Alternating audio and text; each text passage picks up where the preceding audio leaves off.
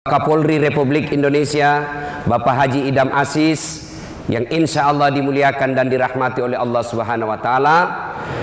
Dan khusus undangan kita pada hari ini para anggota Dewan terhormat yang insya Allah dibimbing dan dituntun oleh Allah Subhanahu Wa Taala. Mohon maaf saya tidak bisa sebut nama Bapak satu demi satu. Di samping karena keterbatasan waktu Juga saya takut salah menyebut namanya Bapak Ibu lebih baik semua saya hormati dan saya doakan insya Allah menjadi polisi yang terbaik di Republik Indonesia. Pilkada di depan mata, maka kita perlu mempersiapkan diri semua.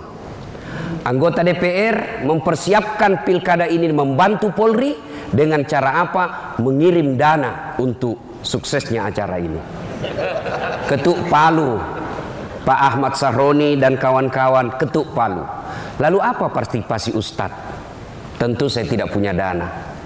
Saya akan memberikan tips sukses mengawal pilkada yang insya Allah saya yakin 100% sebagai orang beriman kalau Bapak laksanakan ini pilkada bukan hanya sukses tapi akan menjadi amal kebaikan bagi seorang polisi yang akan menjadi timbangan pemberat di akhirat kelak ketika ditimbang amal-amalnya yang pada saat itu tidak ada lagi timbangan kolusi apa tipsnya?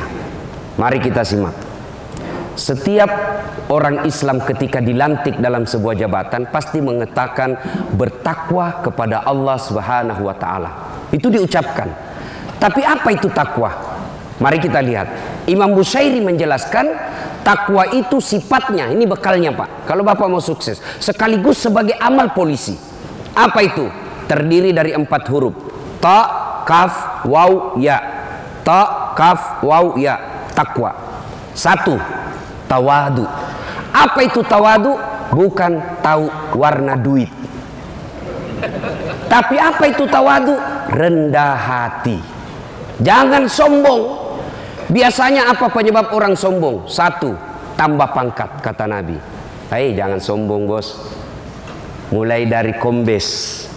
Naik bintang satu, bintang dua, bintang tiga, Bintang empat, jangan sombong, terancam pensiun. Apa yang kita mau sombongkan dengan pangkat? Maka orang yang tinggi pangkatnya ketika dia tawaduk mengawankan pilkada, maka rakyat akan mendukungnya. Kenapa? Karena rakyat akan berkata, eh itu aja jenderal rendah hati. Itu saja Kapolda tidak sombong. Itu aja Kapolres tidak sombong. Masa kau security mau sombong?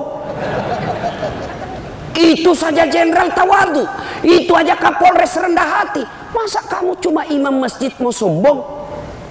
Tapi apabila pimpinan Polri sombong, maka dia akan dilawan dan ketika itu perintah-perintahnya tidak akan diikuti. Maka jalan pilkada jangan sombong. Maka tawadu. Orang-orang yang sombong itu tidak dicintai oleh Allah. Maka Allah salah satu sifatnya al-mutakabbir yang maha sombong. Kenapa maha sombong? Karena hanya Allah yang tak terbatas. Saya senang sekali bisa datang di tempat ini. Waktu saya dihubungi sama Kapolri, WhatsApp. Ustadz, selama ini kalau ada rapim, kadang Ustadz tidak diundang. Yang diundang artis untuk menghibur. Sekarang ini saya minta Ustadz yang datang di sini gaspol memang. Begitu betul ini gaspol atau rem-rem? Betul gaspol atau rem-rem? Ah inilah polisi Republik Indonesia siap udah gaspol. Kalau rem-rem ah itu polisi film India. Satu, tawadu. Anggota DPR jangan sombong bos. Lima tahun ji tahun saja bos. Kalau terpilih, alhamdulillah dua periode. Kalau tidak terpilih, wabillahi taufiq wal hidayah. Jadi rakyat biasa lagi. Maka jangan sombong. Adakah ustadz yang sombong? Ada. Ini ustadz ada juga yang sombong. Mana ustadz yang sombong yang tidak mau menerima perbedaan pendapat? Ada juga ini Pak di medsos berkeliaran. Ceramahnya hanya neraka aja diterima neraka neraka. Kayak dia panitia hari kiamat. Ada juga yang begitu, Pak. Bagaimana kita ini umatmu tenang? Di kantor dimarah-marahi sama komandan. Siap salah, siap salah. Ditembak, siap salah. Sampai di rumah dimaki-maki sama istri. Di warung kopi tagihan menumpuk. Masuk lagi di masjid, neraka jadi cerita terus. Gimana mau tenang? Bagaimana kita tidak cepat sakaratil maut? Ada juga Ustaz begitu Pak, ya. Semuanya bid'ah, semuanya salah, hanya dia yang mau masuk surga. Padahal surga ini luas. Kasih masuk semua. Kalau kau tidak mau kami di tengah, biarlah kami di emper-empernya saja. Jangan kutuduh kita ini neraka-neraka ya. ya. Ada juga Ustadz yang begitu ya.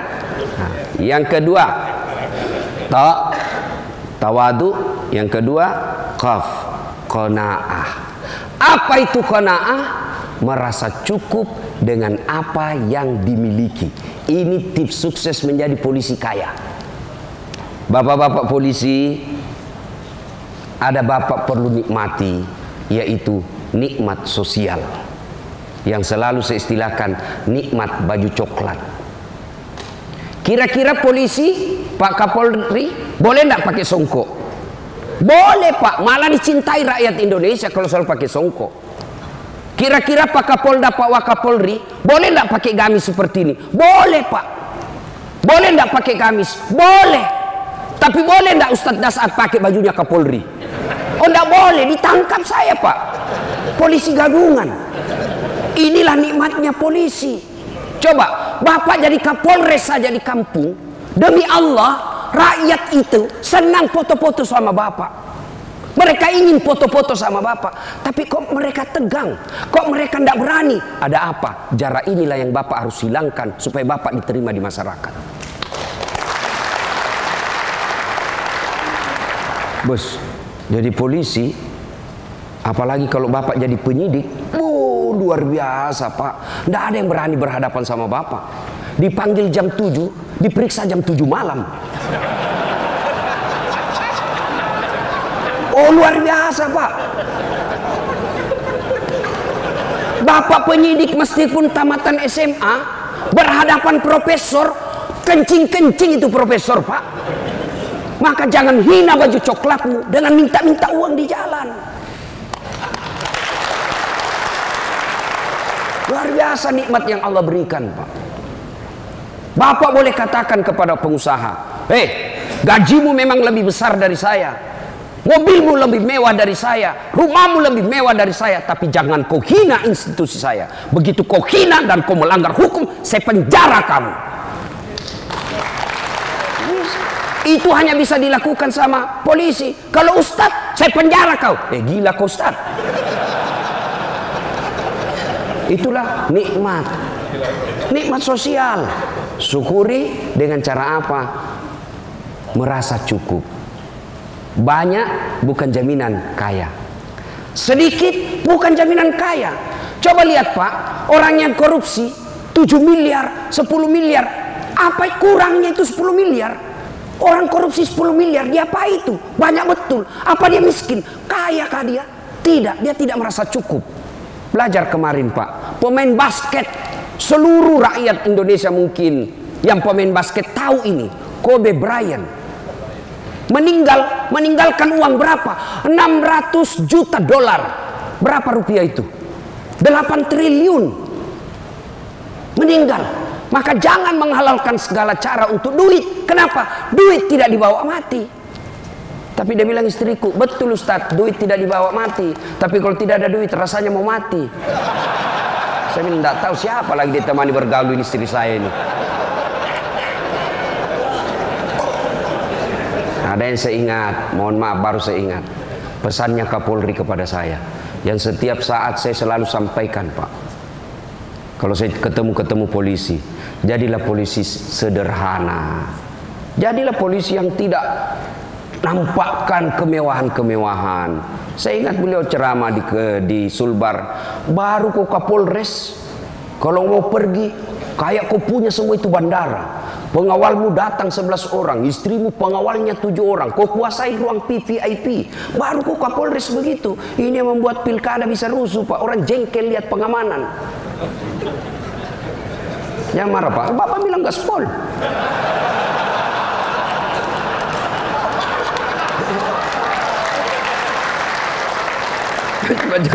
Jadi waktu Pak Jenderal bilang gaspol memang kubalas suasana. Yang penting Bapak lindungi saya.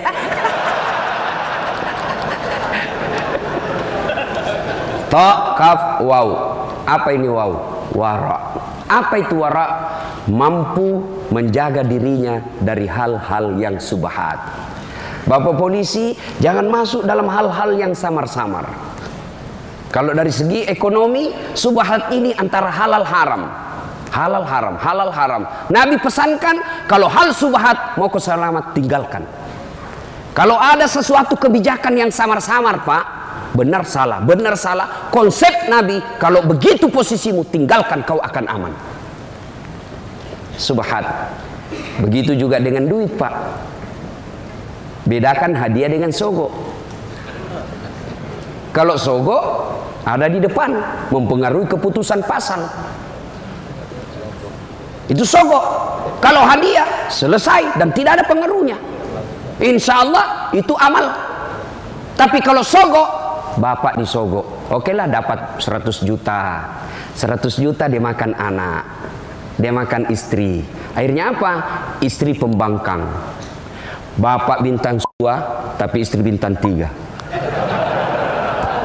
Bapak AKBP, istri kombes. Bapak baru 10 menit di kantor sudah menelpon istri. Di mana kau? Di mana kau? Di kantor. Video call dulu. Ah, itu hasil uang haram tuh.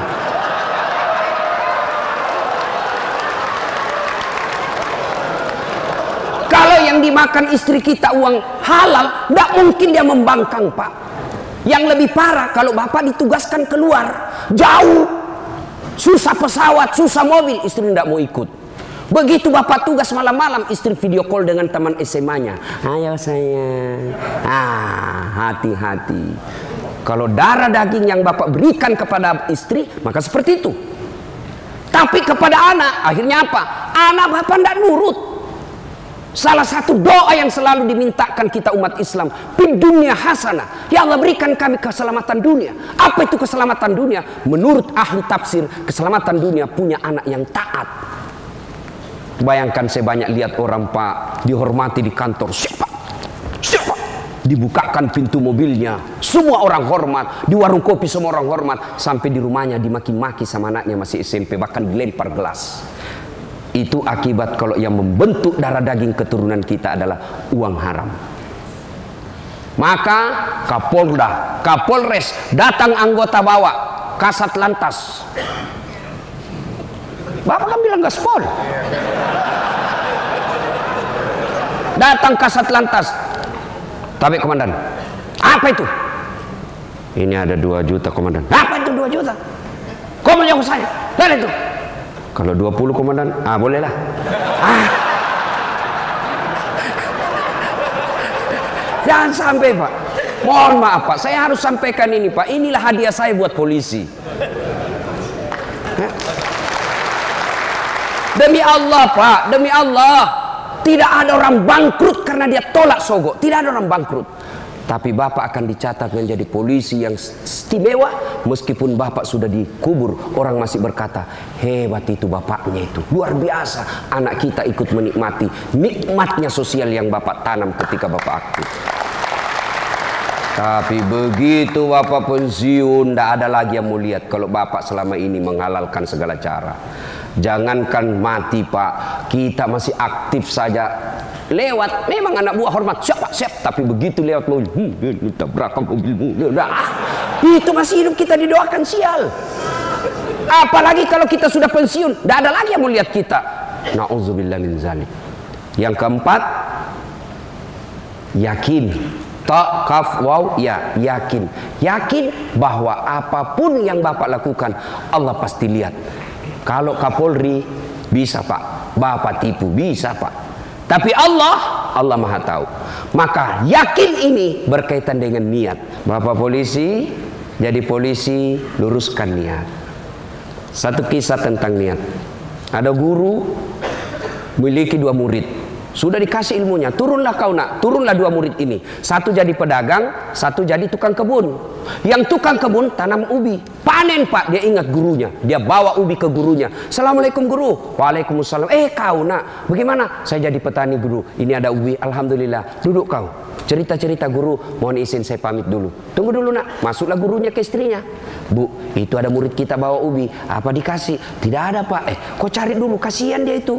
Jalan kaki lagi. Tidak ada, kau cari dulu. Oh ada pak, itu ada kambing kemarin dia bawa Kapolres. Ya sudahlah, kasih aja itu kambing. Saya kolesterol, tidak butuh kambing. Pulanglah dia bawa kambing. Pergi tadi bawa apa pak? Ubi. Pulang bawa kambing.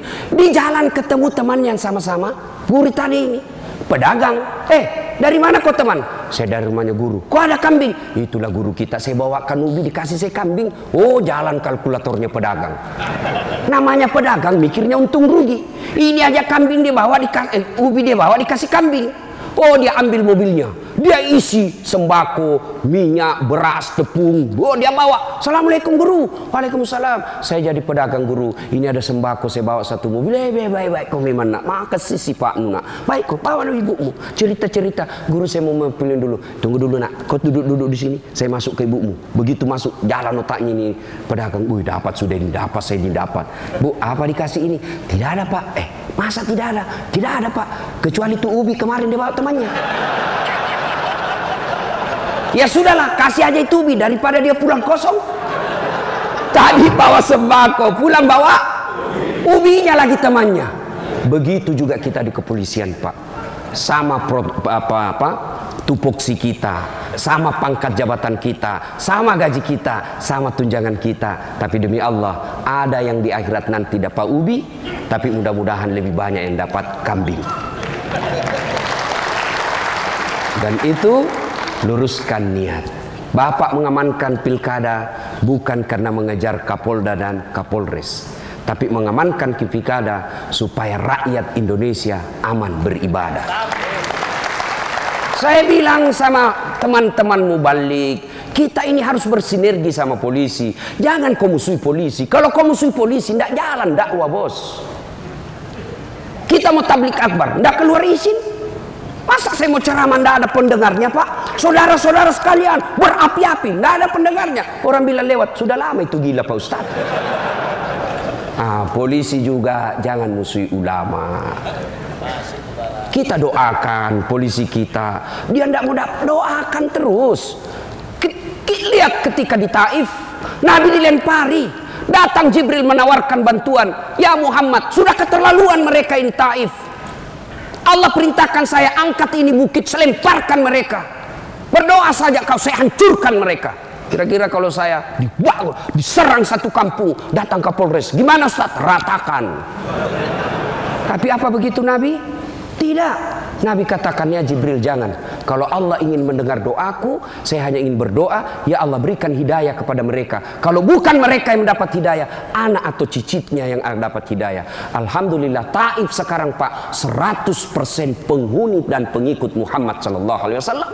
Dan di Taif dari semua Timur Tengah, Saudi Arabia, Taif, Bapak kalau pergi ke Taif sama Bogor berembun di pagi hari dan siang hari. Sejuk Pak itu karena doa. Maka kita ulama doakan semua polisi ini. Tidak ada yang mampu memberikan hidayah polisi, bukan Kapolri, bukan Wakapolri, bukan presiden, tapi siapa yang memberi hidayah polisi adalah Allah Subhanahu wa taala, Tuhan. Maka kita ulama wajib doakan mereka dapat hidayah. Ibu bapak saudara-saudara sekalian, banyak yang ingin saya sampaikan tapi waktu yang terbatas. Pada akhirnya, Pak Kapolri mohon maaf, saya tahu bapak banyak hadiah Bapak juga kasih saya hadiah beberapa hari yang lalu. Kartu sakti. Kartu namanya Kapolri. Saya kasih sopirku. Nah bilang aman Ustaz. Tidak pernah mak dikasih singgah Ustaz. Ini luar biasa ini kartu Pak. Alhamdulillah. Tapi ketahuilah Pak. Kartu ini hanya bisa berlaku di dunia. Di akhirat tidak akan berlaku kartu seperti ini. Meskipun saya nanti bilang ketika saya jenazah, istriku sayang, kasih masuk di eh, kain kafanku ketika saya wafat tidak berlaku menyogok malaikat penjaga surga tidak laku tidak mampu. Ya. Artinya jabatan Bapak polisi ini hanya berlaku di dunia ketika Bapak hanya mengejar pangkat jabatan dan gaji. Tapi kalau Bapak niat rapim ini untuk mengamankan Republik Indonesia agar rakyat bisa masuk ke gereja dengan tenang, masuk ke bihara dengan selamat, masuk ke masjid dengan tentram, maka itu Bapak berlaku kartu namanya dunia sampai akhirat. Terakhir, karena Bapak sudah kasih saya hadiah kartu nama yang luar biasa hebatnya, sampai Bapak WhatsApp saya sampaikan kepada polisi, saya akrab dengan Pak Ilham. Ini buktinya. Oh luar biasa. Maka saya pun memberikan hadiah kepada Bapak yang tidak hanya berlaku di dunia tapi insya Allah berlaku di akhirat selama Bapak pakai dengan benar. Bapak-bapak kalau lihat saya ceramah di YouTube dan di mana-mana pasti ada ini yang ada di tangan saya. Tasbih Pak. Ini kayu kuka hanya ada di Timur Tengah. Kayu kuka ini yang dibikin kayu untuk perahunya Nabi Nuh, yang dipakai tongkatnya Nabi Musa, yang dipakai sandarannya Rasulullah, dia bisa dingin dan bisa hangat ketika Rasulullah membutuhkan suhu tertentu. Kayu kuka tidak ada di dunia kecuali hanya di Mekah. Ini ke mana-mana saya ceramah, pakai ini. Saya umroh beberapa belas kali saya pakai ini. Ini salah satu kecintaan saya kepada Pak Idam Asis, maka saya berikan tasbih saya ini kepada beliau. Mudah-mudahan Bapak ketika menangani nanti pon di Papua, Bapak lagi stres ingat Allah dengan mengucapkan Subhanallah, Subhanallah, Subhanallah. Pasti Bapak tenang. Ketika istri ngamuk-ngamuk di rumah, Bapak Subhanallah, Subhanallah. Insya Allah selamat Pak. Mohon berkenan Pak Kapolri, mudah-mudahan diberberkah. Ini Pak. ya. mata sebagai